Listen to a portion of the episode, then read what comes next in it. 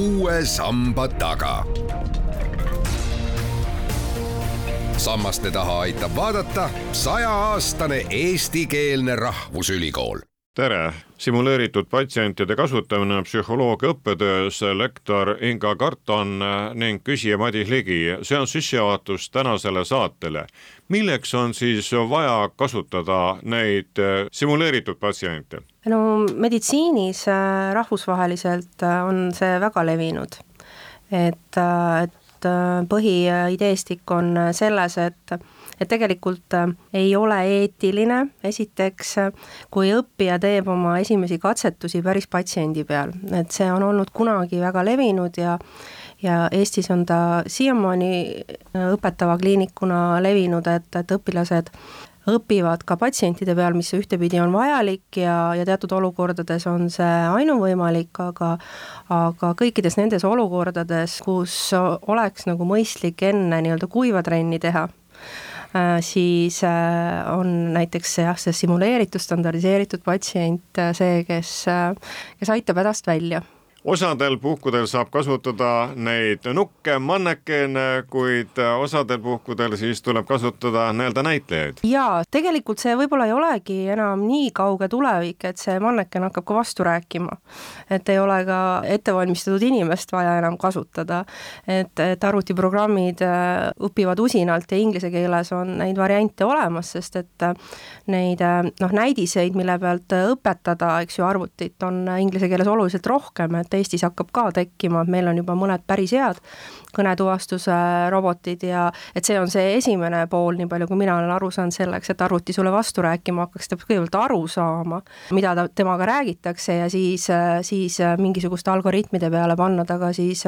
erinevalt reageerima vastavalt sellele. aga jah, meil veel selliseid võimalusi ei ole ja, ja seetõttu kasutame ikkagi suhtlemise õpetamisel siis lihast ja luust inimest, paljudel juhtudel kaasõppijat aga siis, äh, siis sellest aastast alates süsteemsemalt, et äh, see ei ole esimest korda, et ka meie õppeaines juba, juba on varem seda, seda niimoodi noh, kaootiliselt või, või, või kasutatud. Ja et mitte kõik õppijad ei saa mm, seda kogemust, ei ole saanud ja kasutatakse ka mõnedes ähm, kliinilistes ainetes vanematel kursustel, kuid see projekti mõte, mida ma siis vean nüüd äh, kaks aastat Tartu Ülikooli siis oma õppe arendamise grandi raames, mõte ongi see, et, et katsuks siis juurutada selle standardiseeritud patsiendi protokolli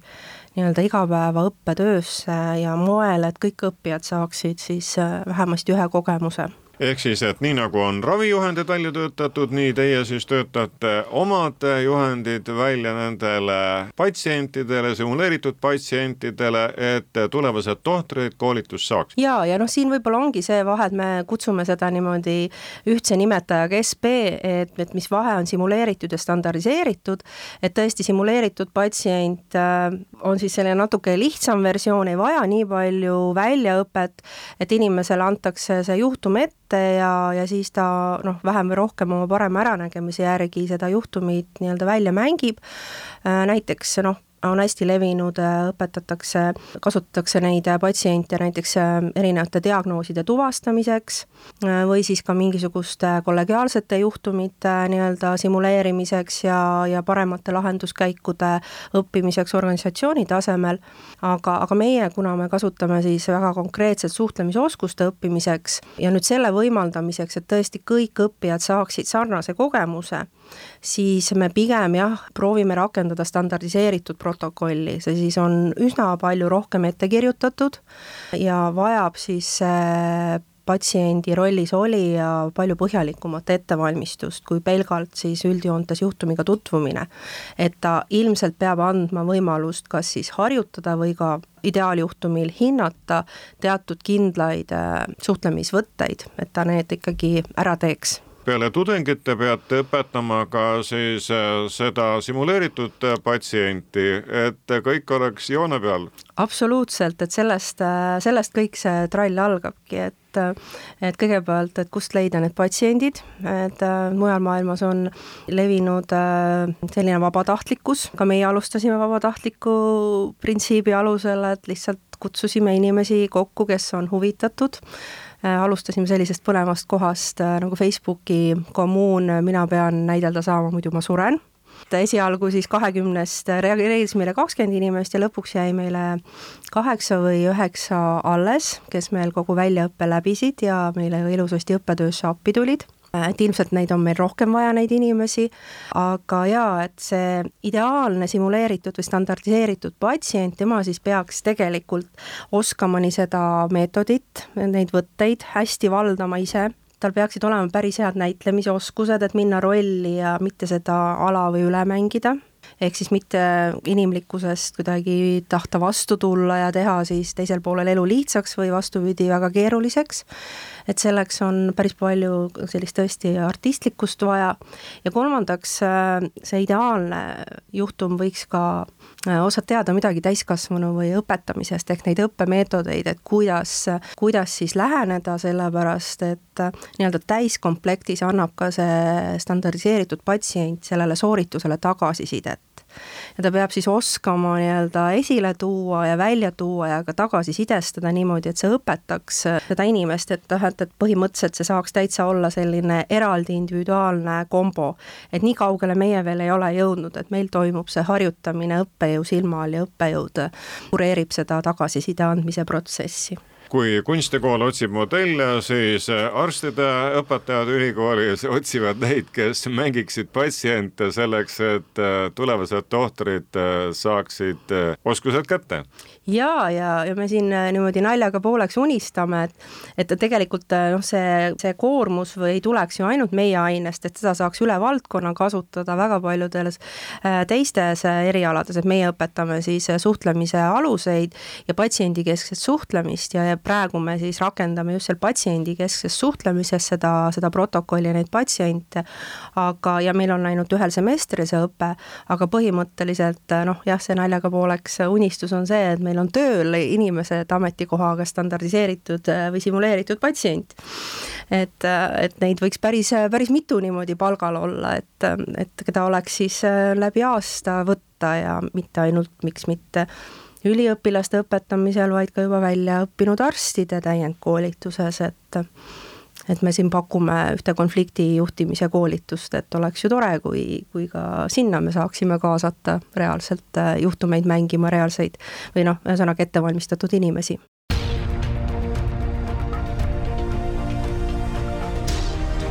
uue samba taga.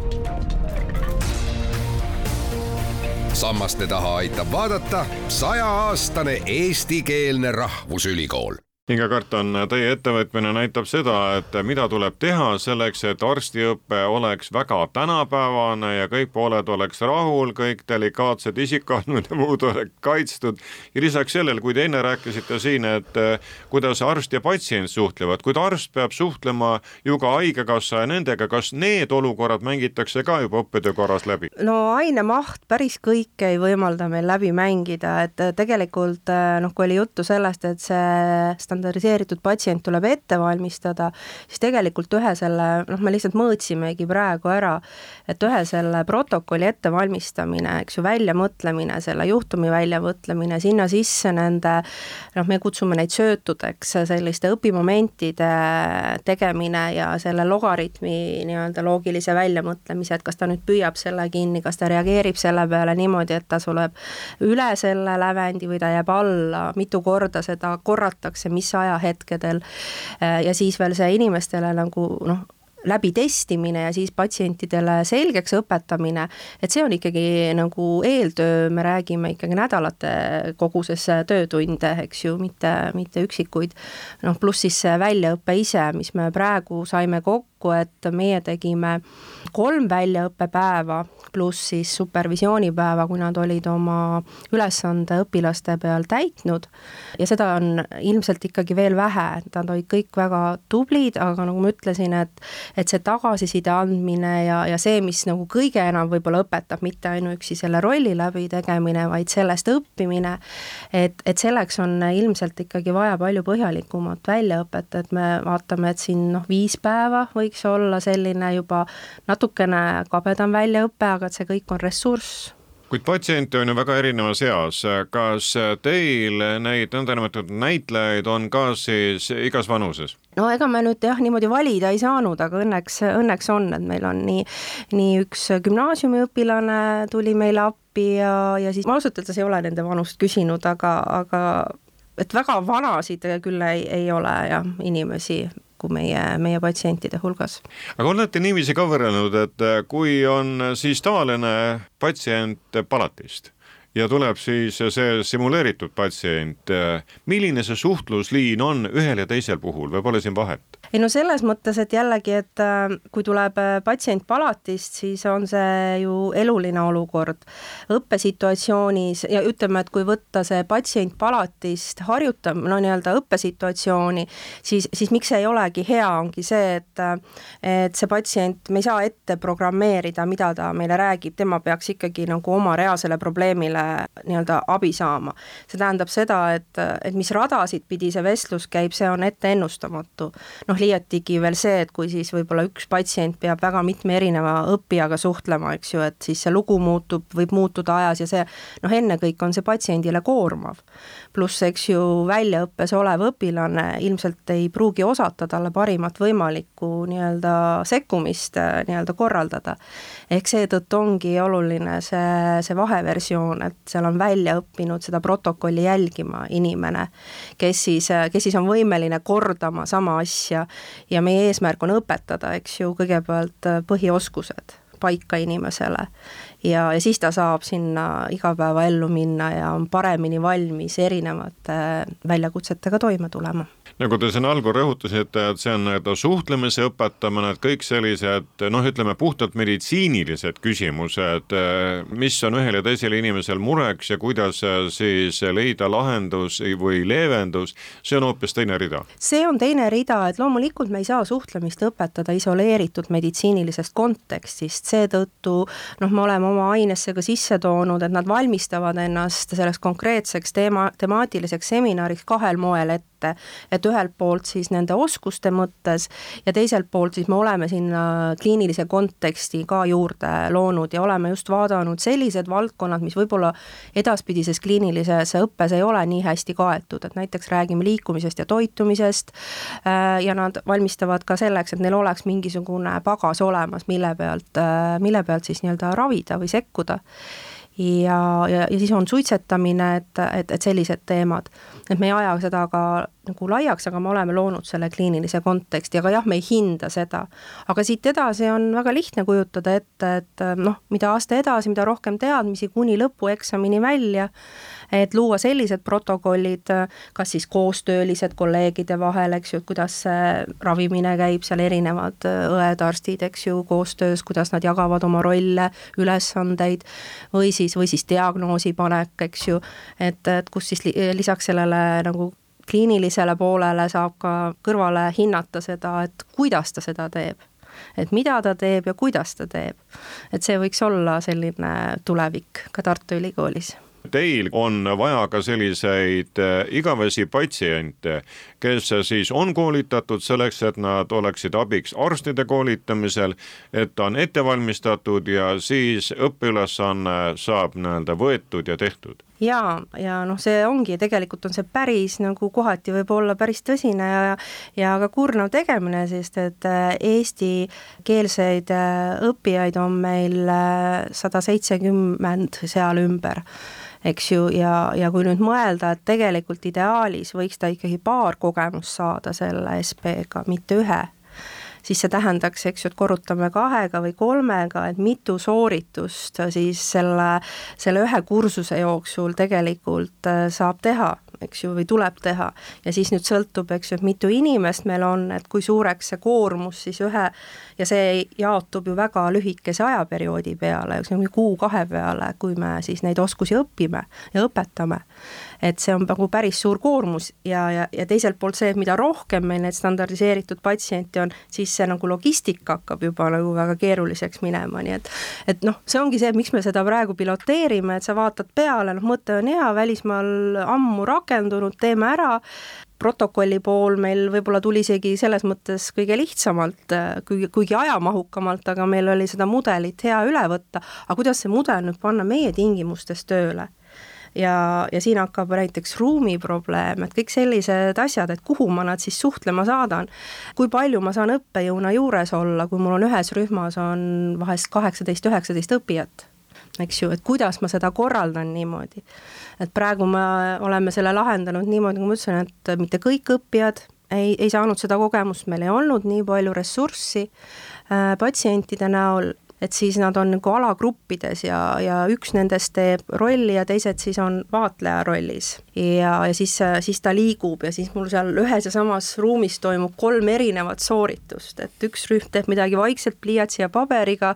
teine teeb omavahel nii-öelda seda eelsoojendust, et mängivad ise omavahel rolle, noh, mis on kõige levinum selline, et selline setting, et on arsti rollis olija, on patsiendi rollis olija, on vaatleja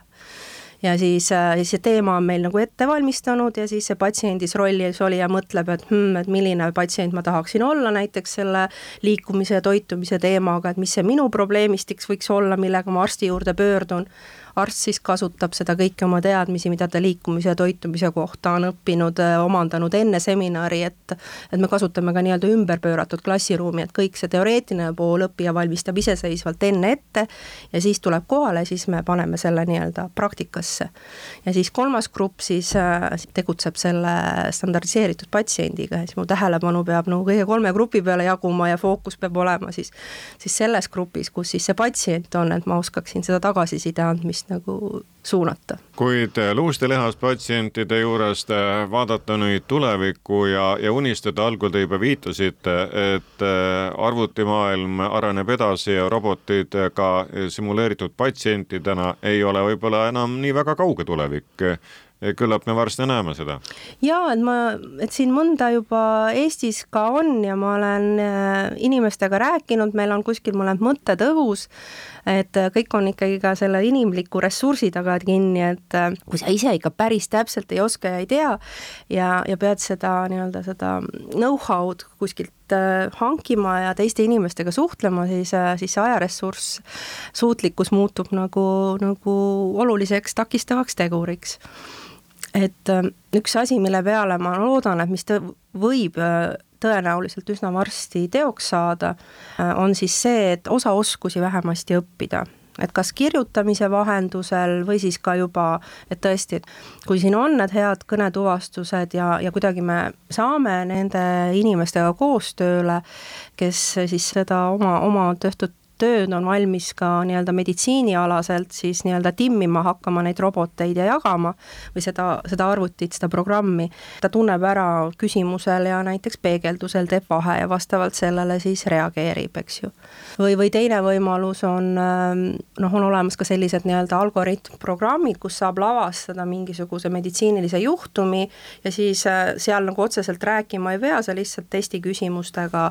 Äh, valid, et, et mis on, mis on kohasem käitumine ja siis noh, sa saad loogiliselt edasi, kuni sa jõuad siis nii-öelda lõppu ja siis sa saad teada, et kas see oli loogiline rada või või läksid omadega untsu, et ka sellised programmid on olemas, et mis hästi õpetavad, et hästi põnevaid asju saaks teha, kui oleks nagu rohkem, veel rohkem ressurssi ja, ja, ja võib-olla ka natuke teadmist kuid eh, eks eh, olevik ja tulevik eh, neid teadmisi ka kasvatavad. igal juhul tänane saade tänu lektor Inga Kartonile aitas lähemale tuua, kallid kuulajad, teile arstide õpetamist ja tänapäevaseid võtteid selles. küsija oli Madis Ligi.